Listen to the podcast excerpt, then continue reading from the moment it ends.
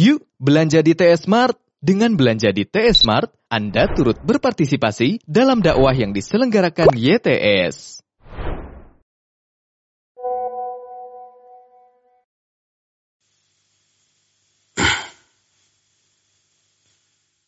إن الحمد لله نحمده ونستعينه ونستغفره ونعوذ بالله من شرور أنفسنا وسيئات أعمالنا من يهده الله فلا مضل له ومن يضلل فلا هادي له. وأشهد أن لا إله إلا الله وحده لا شريك له. وأشهد أن محمدا عبده ورسوله. يا أيها الذين آمنوا اتقوا الله حق تقاته. ولا تموتن إلا وأنتم مسلمون. يا أيها الناس اتقوا ربكم الذي خلقكم من نفس واحدة وخلق منها زوجها وبث منهما رجالا كثيرا ونساء واتقوا الله الذي تساءلون به والأرحام إن الله كان عليكم رقيبا يا أيها الذين آمنوا اتقوا الله وقولوا قولا سديدا يصلح لكم أعمالكم ويغفر لكم ذنوبكم ومن يطع الله ورسوله فقد فاز فوزا عظيما. أما بعد فإن أصدق الحديث كتاب الله وخير الهدي هدي محمد صلى الله عليه وآله وسلم. وشر الأمور محدثاتها وكل محدثة بدعة وكل بدعة ضلالة وكل ضلالة في النار قال الله تعالى في كتابه الكريم أعوذ بالله السميع العليم من الشيطان الرجيم ولا تقتلوا أنفسكم إن الله كان بكم رحيما Hadirin sedang Jumat yang Allah muliakan, di Jumat-Jumat yang lalu kita sudah membahas tentang tawakal. Tawakal itu ikhtiar, usaha, berjuang, sesuai dengan yang Allah syariatkan, lalu hasilnya diserahkan kepada Allah. Bersandar kepada Allah. Dan itu terjadi baik untuk urusan dunia ataupun urusan agama. Sudah diterangkan bahwa dalam melaksanakan agama ini pun kita harus bersandar kepada Allah. Bertawakal kepada Allah. Dalam bentuk memohon kekuatan. Berdoa kepadanya meminta hidayah.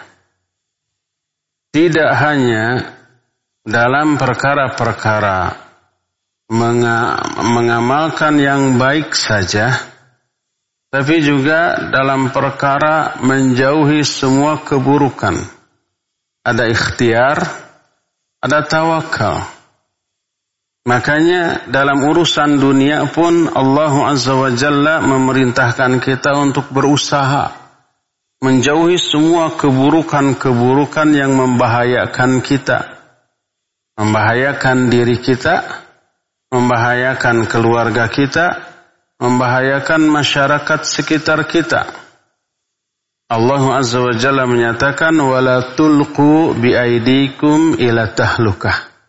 Jangan sekali-kali kalian menjerumuskan diri kalian ke dalam kebinasaan.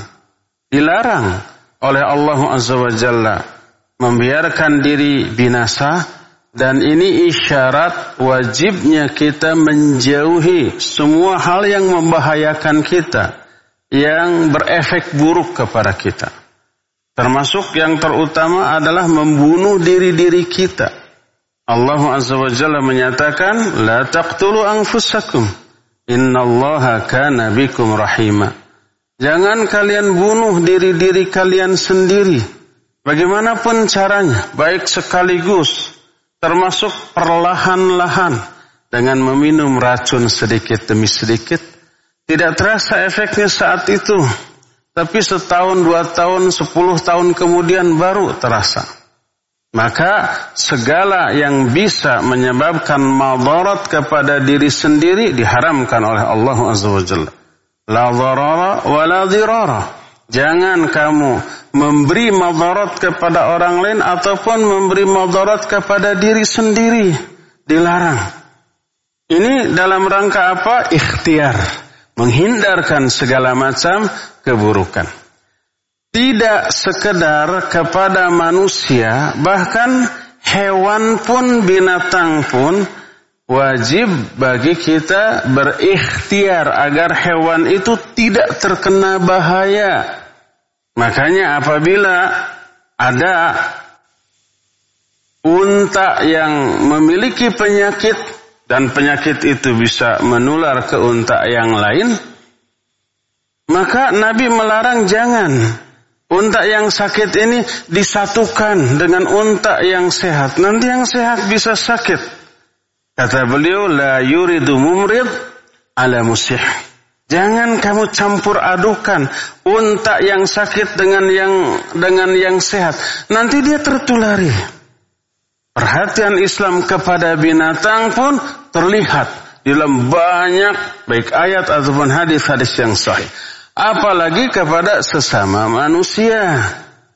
Oleh karena itulah maka ketika ada sesuatu yang membahayakan seperti wabah umpamanya yang menular, kalau sekarang ada corona, kalau zaman dahulu ada taun, Rasul sallallahu alaihi wa alihi wasallam menyatakan, "Idza sami'tum taun bi ardin fala tadkhuluha." Kalau kalian mendengar ada wabah taun di suatu negeri, Jangan kalian datang ke negeri itu. Jangan sampai kalian itu masuk ke negeri itu. Agar apa? Agar tidak terpapar, agar tidak tertulari, agar selamat diri kita dari penyakit yang berbahaya tersebut. Dan apabila kalian mendapati ada tahun di negeri kalian, jangan kalian keluar dari negeri tersebut.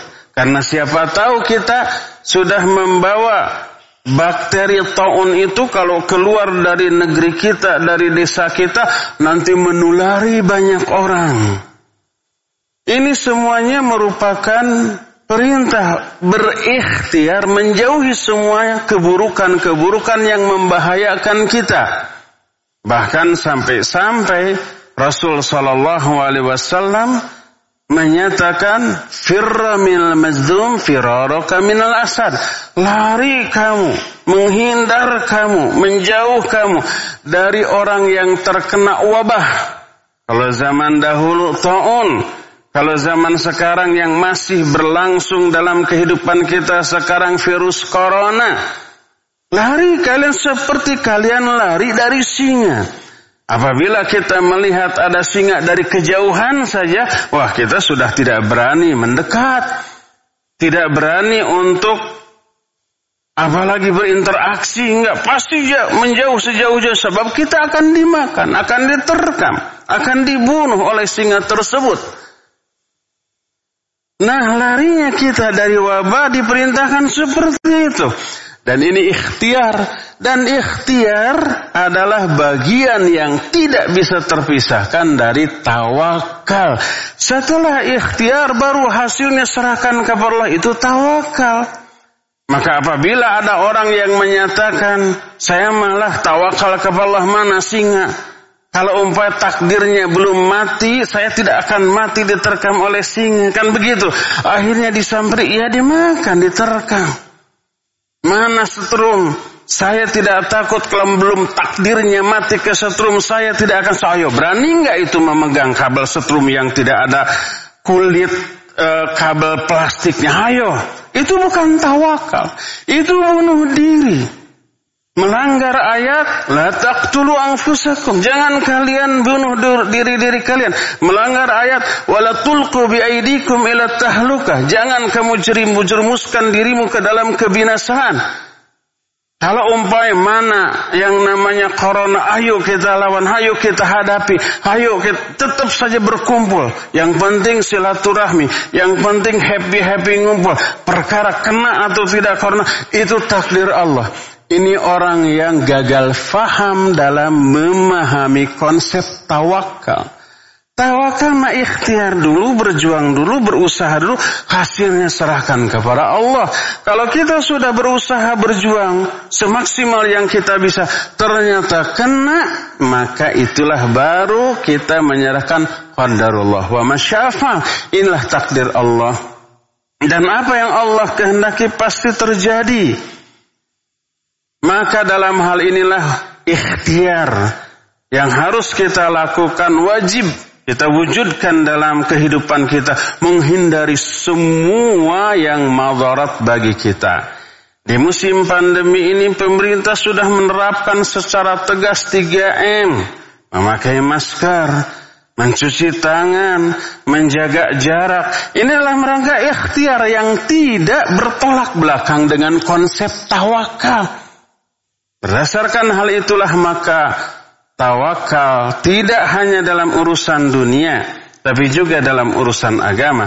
Tidak hanya dalam hal memperjuangkan kebaikan untuk dilakukan, tapi tawakal pun dilakukan untuk menghindari segala hal yang buruk-buruk. Maka ini ikhtiar. Adapun doa yang wajib kita panjatkan kepada Allah sebagai bentuk tawakal kita kepada Allah, maka Rasul sallallahu alaihi wasallam telah mengajarkan banyak hal.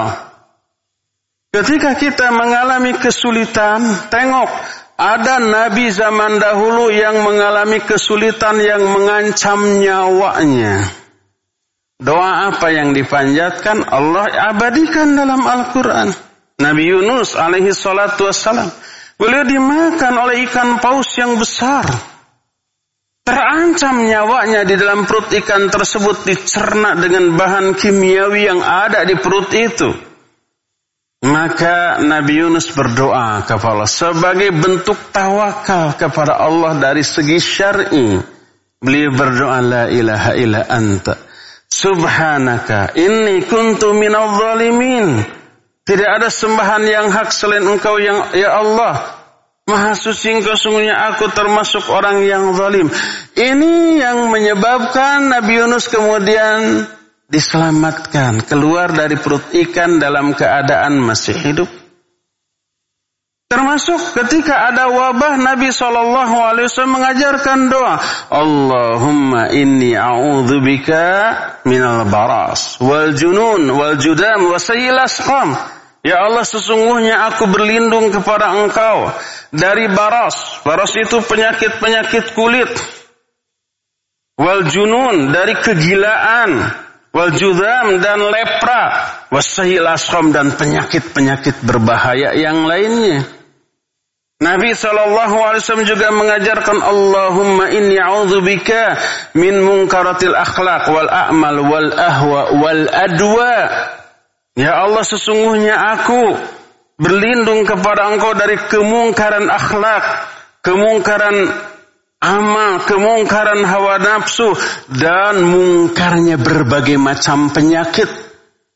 Berserah diri kepada Allah. Meminta kepada Allah sebab Allah lah yang membuat penyakit dan menyebarkannya di tengah manusia. Mungkin sebagai azab. Mungkin sebagai ujian hanya Allah pula lah yang bisa mengangkat semua itu dari kehidupan kita.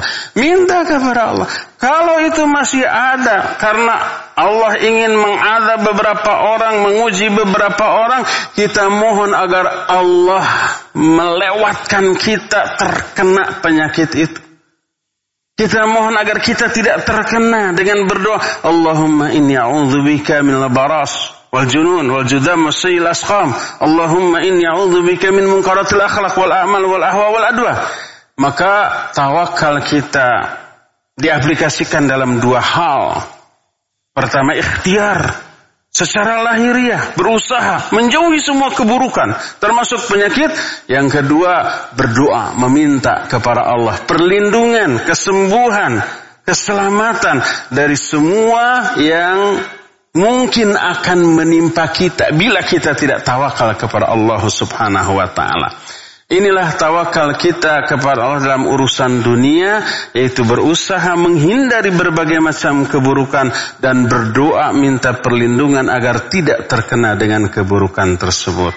بارك الله لي ولكم في القرآن العظيم ونفعني وإياكم بما فيه من الآيات والذكر الحكيم وتقبل الله منا ومنكم تلاوته إنه هو السميع العليم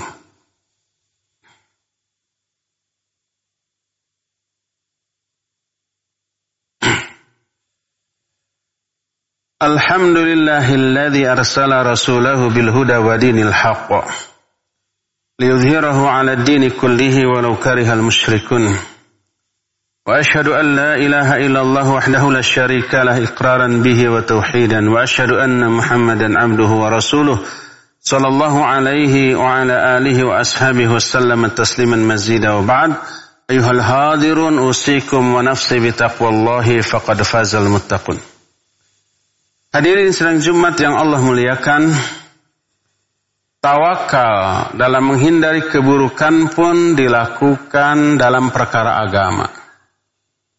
Ada banyak keburukan dari aspek agama, seperti syirik, musyrik, seperti kufur, seperti bid'ah, seperti dosa dan maksiat, seperti segala macam kemungkaran.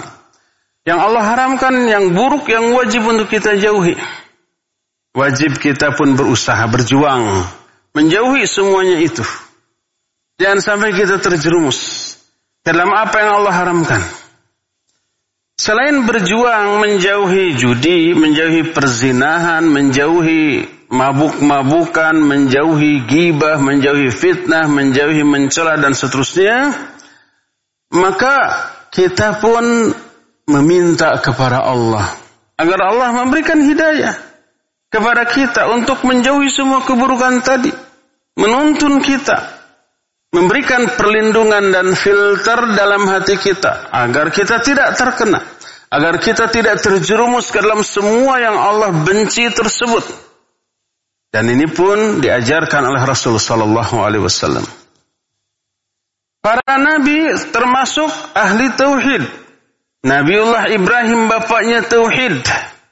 Beliau tukang menghancurkan patung berhala tapi sangat takut dirinya dan anak turunnya terjerumus ke dalam perbuatan syirik penyembahan kepada berhala.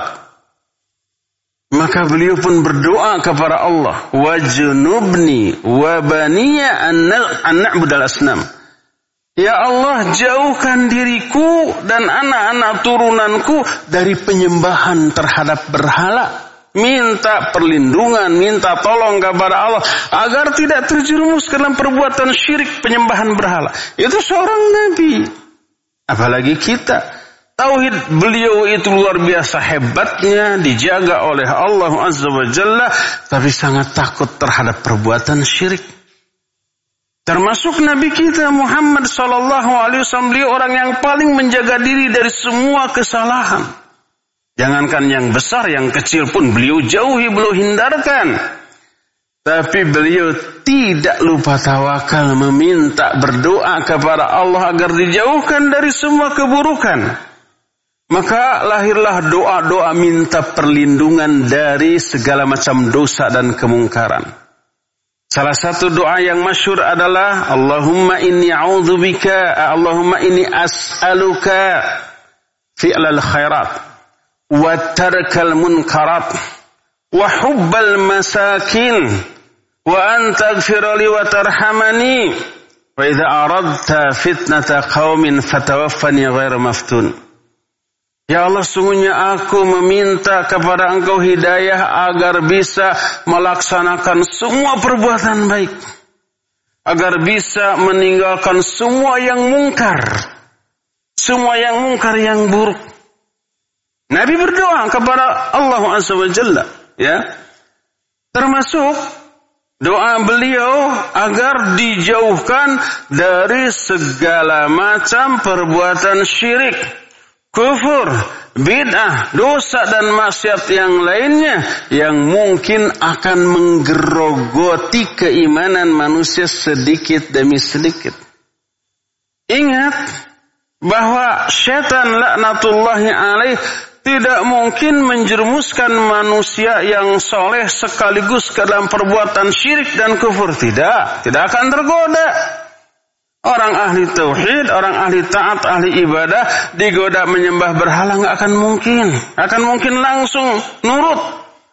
Orang umpai ahli ibadah, pergaulannya umpamanya terjaga, langsung oleh setan digoda supaya berzinah, nggak akan tergoda. Kalau langsung. Tapi dengan sedikit-sedikit dimulai dari dosa-dosa kecil terlebih dahulu yang dianggap enteng. Tidak ditobati meningkat kepada yang lebih besar, meningkat yang lebih besar lagi, lebih akhirnya terjerumus ke dalam kekejian yang tadinya mustahil dilakukan sampai tiba pada dosa terbesar yang tidak Allah ampuni yaitu kufur dan syirik. Makanya para ulama menyatakan al-ma'asi baridul kufur. Perbuatan maksiat yang sedikit-sedikit itu penghantar atau batu loncatan menuju kepada kekufuran. Orang bisa kufur dengan digoda sedikit demi sedikit. Dan ini disyaratkan oleh Allah Azza wa Jalla dalam Al-Quran. Kama thali syaitan idh qala lil insani kfur. Falamma kafara qal inni bari'um mink. Inni akhafullah rabbal alamin. Kata Allah, nih ada kasus ketika setan berkata kepada seseorang, kufur kamu. Ketika orang ini nurut, taat kepada ajakan setan kufur, setan berkata, Inni bari umik, aku berlepas diri dari kamu. Inni akhafullah rabbal alamin. Aku pun takut kepada Allah. Ayat ini bercerita tentang seorang rahib ahli ibadah. Puluhan tahun ibadah kepada Allah dengan sangat hebat. Digoda oleh setan untuk tidak beribadah nggak bisa tergoda. Mulai digoda dari aspek lain sedikit demi sedikit. Kemudian dikondisikan, tergoda dia, melangkah kepada yang lebih jauh. Akhirnya sampai pada Setan berkata kepada orang ini kufurlah kamu. Setelah dosanya bertumpuk-bertumpuk tanpa terasa, orang ini pun kemudian turut lalu dia kufur. Setelah kufur si setan tertawa, ini bari umik. Aku berlepas diri dari kamu. Aku pun takut kepada Allah Rabbal Alamin. Apa kata Allah? Fakana akibatahuma annahuma finnari khalidaini fiha. Wadhalika jaza'ul zalimin. Akibatnya kedua-duanya Allah jerumuskan ke dalam api neraka. Dan mereka kekal di dalamnya selama-lamanya. Dan itu itulah balasan bagi orang-orang yang zalim. Berdasarkan hal itulah maka sekecil apa pun dosa jangan diberi kesempatan jiwa ini untuk terjerumus ke dalamnya. Wajib dijauhi dengan cara ikhtiar berjuang dalam bentuk perjuangan yang real dan nyata dan jangan lupa berdoa kepada Allah Azza wa Jalla. Itulah yang disebut tawakal. Maka tawakal kita lakukan dalam perkara dunia. Juga dalam perkara agama, tawakal kita lakukan dalam rangka berjuang dan berdoa meraih semua yang baik-baik yang bermanfaat bagi kita. Juga kita lakukan dalam rangka menjauhi semua yang buruk yang akan membinasakan kita baik di dunia apalagi di akhirat nanti.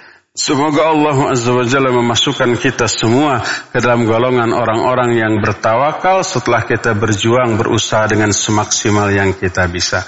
إن الله وملائكته يصلون على النبي يا أيها الذين آمنوا صلوا عليه وسلموا تسليما اللهم صل على محمد النبي العمي وعلى آله وصحبه وسلم آمين اللهم اغفر للمؤمنين والمؤمنات والمسلمين والمسلمات الأحياء منهم والأموات ربنا ظلمنا أنفسنا وإن لم تغفر لنا وترحمنا لنكونن من الخاسرين اللهم إنا ظلمنا أنفسنا ظلما كثيرا ولا يغفر الذنوب إلا أنت فاغفر لنا مغفرة من عندك وارحمنا إنك أنت الغفور الرحيم ربنا هب لنا من أزواجنا وذريتنا قرة أعين واجعلنا للمتقين إماما اللهم اكفنا بحلالك عن حرامك واغننا بفضلك عما سواك اللهم إنا نعوذ بك من غلبة الدين وغلبة العدو وشماتة الأعداء